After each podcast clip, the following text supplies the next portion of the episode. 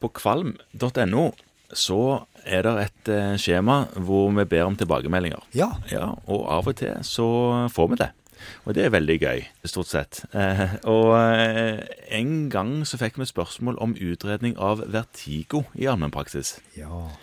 Og det er jo et litt sånn stort eh, emne som jeg skjønner at eh, man kan famle litt i, og det famler man i sjøl.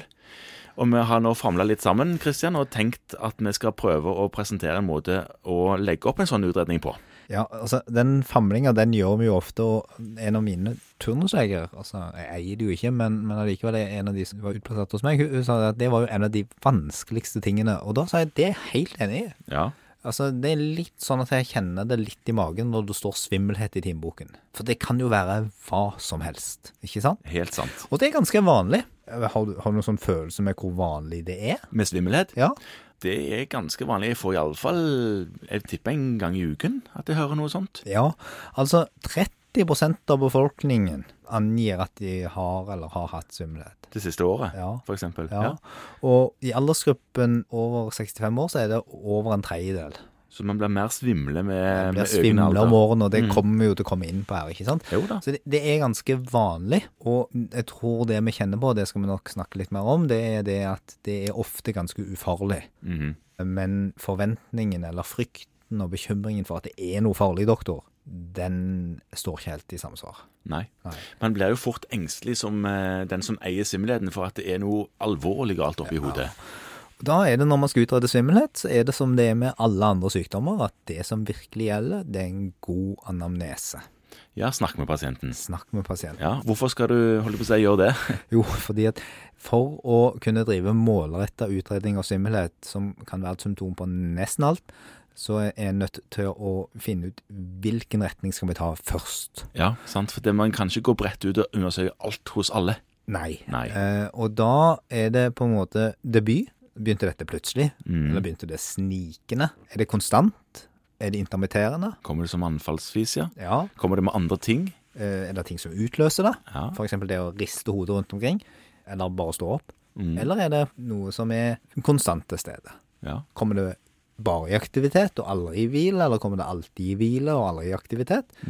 Alt dette her må man vite før man skal ha mulighet til å gå videre i allmennpraksis og undersøke noen som helst. Og en annen ting som kan være viktig å vite, det er hvilke andre sykdommer denne pasienten har. Helt vesentlig, og da er vi jo så heldige at vi er fastleger, så det vet vi jo. Ofte. Og enkelte ganger kan det være vi ikke vet, og da er vi nødt til å spørre. Og det har vi snakket om òg før i disse podkastene, og en ting vi må spørre om som vi mange ganger ikke spør om, det er alkohol. Det er alkohol. Ja, Særlig når de er svimle. nettopp. Eh, Det kan jo gi svimmelhet på så mange forskjellige vis. Helt sant. Når du da har fått stilt alle disse spørsmålene, så kan man gå litt videre. Og da tenker jeg at sånn for enkelhets skyld, og det, det, det er så sant at det virker i allmennpraksis, så kan svimmelheten komme fra tre steder. Ja, hvis en skal prøve å grovsortere litt. Ja, så, så det kan komme fra hjernen, og det kan komme fra balanseorganet i øret. Ja visst. Og så kan det komme fra resten av kroppen. Det er klart at det, det høres ut som man da primært er ø, ø, nevrolog og ørenes halslege når man sier det sånn, men det er for alle praktiske formål en grei måte å dele det inn på. Ja. Og nesten alle de som kommer med svimmelhet, er jo redd for at de egentlig har kreft i hjernen. ja da visst. Det er en frykt de har. Ja, og de vil egentlig ha MR av hjernen. Ja Det da. går. Nå er det sånn at kreft i hjernen kan gi svimmelhet, men det er som oftest andre årsaker til det. Og det er det man da må gjøre hvis man får mistanke om at dette sitter i hjernen, det er en nevrologisk undersøkelse. Da er det særlig tester på lillehjerne, sånn som romberg og fingernestipp og andre koordineringsøvelser Ja. som er kjempeviktige. Hvis man skal tenke at dette sitter i hjernen, så kan det, hvis det er veldig snikende, så vil det jo ofte være hvis det er tumor. Hos voksne så kan man få akutte blødninger i lillehjernen f.eks., eller slag, Mm. som kan gi akutt ustøhet og svimmelhet. Sånn at hos, hos disse, hvor, hvor man mistenker en eller annen intrakraniell årsak, så kan det jo være at de rett og slett må ta den eh, MR-undersøkelsen. Og noe akutt oppstått svimmelhet som ser ut til å komme fra hjernen, det skal legges inn. Ja. Men hvis du tenker eh, mellomøret da, og balanseorganet der, Ja, da, da er det jo ofte en posisjonsavhengig svimmelhet. ja visst. Ja, eh, kan være gjennomgående, kan være intermitterende. Eh, De har av og til øresus. Ja, Da er og det den kan som- òg komme anfallsvis. Ja. Ja, da er det jo kanskje denne sykdommen som heter menier man tenker på. Og da finnes det også noen tester der det er nystagmus, Ja, Selvsagt. At eh, øynene mm, hakker litt i bevegelsene hvis du ser tegn av sidene. Ja, og da kan man også gjøre Dicks uh, Holpikes eh, manøver for å teste det. Ja, Vrient å vise på radio, men eh, sjekk det på nett. Veldig lite radiovennlig. Ja. vi kan prøve her nå. Det blir mye rare lyder, tror jeg. Det tar litt tid og krever litt øvelse. Egentlig så er det en sånn øvelse som man godt kan gjøre litt oftere for å få det inn i fingrene. Mm. Det er klart, det krever jo en pasient som har fysikk til å være med på det. Noen gamle, litt eh, immobile personer fungerer det dårlig på. Mm. Men det, det er det. Da kan man også gjøre audiogrammer og veber inne. Ja, Weber inne det er en sånn øvelse med stemmegaffel hvor Ja. du gjør forskjellige ting. Weber er vel hvor man setter den på toppen av issen og hører l- lyder formeligvis i hele hodet, og ikke bare til en av sidene. Ja, og Det man egentlig tester der, er om det er hørselsnerven det er noen skader på. Ja, Om det er mekanisk eller sensorisk, Ja. nevrologisk. Og så er det kanskje den egentlig vanligste årsaken til svimmel helt eh, sånn tallmessig, og det er resten av kroppen. Ja, når du sier resten av kroppen, hva tenker du egentlig på? Tenker du på de som har polynevropatier, de som har diabetes og dårlig sensorovnevrofunksjon, altså ikke kjenner så godt at de går på underlaget, og alkoholikerne og sånne ting? Ja. Pluss andre ting. Pluss andre ting. Så nå blir det veldig sånn Ole Brumm-svar. Ja, men la oss se litt, litt sånn ordentlig på det, da. Det du må tenke da når vi tenker resten av kroppen, er de som har noe med det perifere nervesystemet å gjøre. Ja. Da er det polynevropatiene. Mm.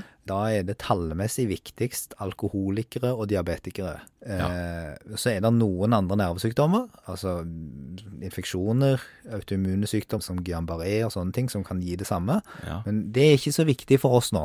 Det er viktig for oss nå at vi tenker at dette har med det sensoriske nervesystemet som gjør at de blir ustø, Mm. og dermed rapporterer at de blir svimle. Så er det de vaskulære situasjonene. ja. Da er det jo flimmersykdommer, som vi har snakket om før. Eh, Men alt som kan påvirke blodtrykket. Og i tillegg så er det sånn at etter hvert som man blir eldre, og forhåpentligvis blir man det, så blir blodårene stivere. Hemodynamikken blir dårligere, og Ja. evnen til å håndtere raske endringer i trykk, den synker. Og så får du arterinsufficiensen din òg. Ja. Så da får man problemer med å holde oppe trykket i en del situasjoner, og så blir man svimmel.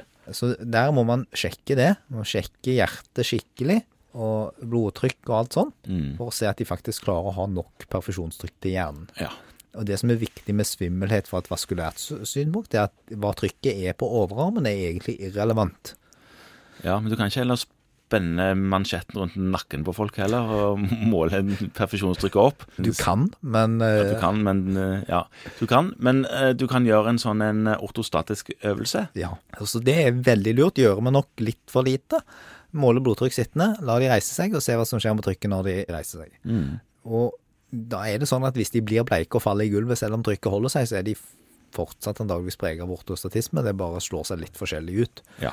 Og det å også passe på å lytte på karotidene kan være veldig lurt. ja. Og det er de vaskulære. Og så er det infeksjonssykdommene som du snakket om, og de påvirker i denne sammenhengen som oftest nervesystemet da, Mm. når de gir svimmelhet. Mm. Da er det jo borrelia og disse tingene. Det er veldig mye oftere etterspurt av pasienten enn det det reelt sett gir sykdom. Ja, det er sant. Men det hører, hører med på en måte å utelukke det. Hvis man eh, står i en situasjon hvor man ikke helt kommer til målet med denne svimmelheten. Hvis man ikke finner en annen åpenbar årsak, så høres det helt naturlig til. Mm. Og så er det det siste og viktigste, kanskje, og det er de muskulære plagene. Ja. Og hvis man ser på aldersgruppen ungdom til eh, ja, la oss si 65, da, for å bruke et cutoff som ofte brukes, ja. som har svimmelhet av perifer årsak som ikke er helt eh, klar å definere, Ungdom opp til 65 år. ungdom opp til 65 år, Mm. så kan det å palpere nakkemuskulatur og spørre hvordan de faktisk har det, Ja. være veldig lurt. Fordi at eh, differensialdiagnostisk så er nakkemyalgier stiv nakke, og dermed en sånn nevroseptisk utfordring med balanse, Mm. en hyppig årsak til opplevd svimmelhet hos disse pasientene. Ja. Og så er det det siste, eller jeg vet ikke om det er det siste, vi har sikkert glemt noe, og de som da sitter på en grensespesialitet og irriterer seg grenseløst over at vi har utelatt de, så, så får, vi ha, får de ha oss unnskyldt, men vi må ikke glemme øynene. Øynene, ja. Ja. ja. Øynene er også viktige for balansen. Det er klart. Og endringer i syn, en så enkel ting som progressive briller, Andre øyesykdommer kan gi svimmelhet fordi de gir en endra synsoppfattelse. Ja. Helt sant. I forbindelse med dette med undersøkelse av nervesystemet, som vi nevnte tidligere, så Ja. er det òg dette med proprioseptiv sans som kan være viktig å undersøke. Ja. Så det må vi huske. Pluss en ting som vi, når vi snakker med pasientene, vi òg er nødt til å ta opp, i tillegg til dette med tidligere sykdommer og alkoholforbruk og sånne ting, det er hvilke medisiner de tar. For en del svimmelhet kan jo være bivirkning. Ja, ved alle blodtrykksmedisiner så kan de jo bli svimle, men de kan også bli svimle av mange andre medisiner. Nettopp. Ja. Og spesielt hvis de blir eldre i tillegg. Altså godt over ungdomstiden, som vi definerte fram til 65 år. Det, er- når de passerer ungdomstiden, altså fram til 65, så Blir de mindre motstandsdyktige mot bivirkninger, kan man vel si. det er en god måte å si det Ja. på. Men da har vi vel lagt et slags bilde av dette. Bare prøvd. Ja.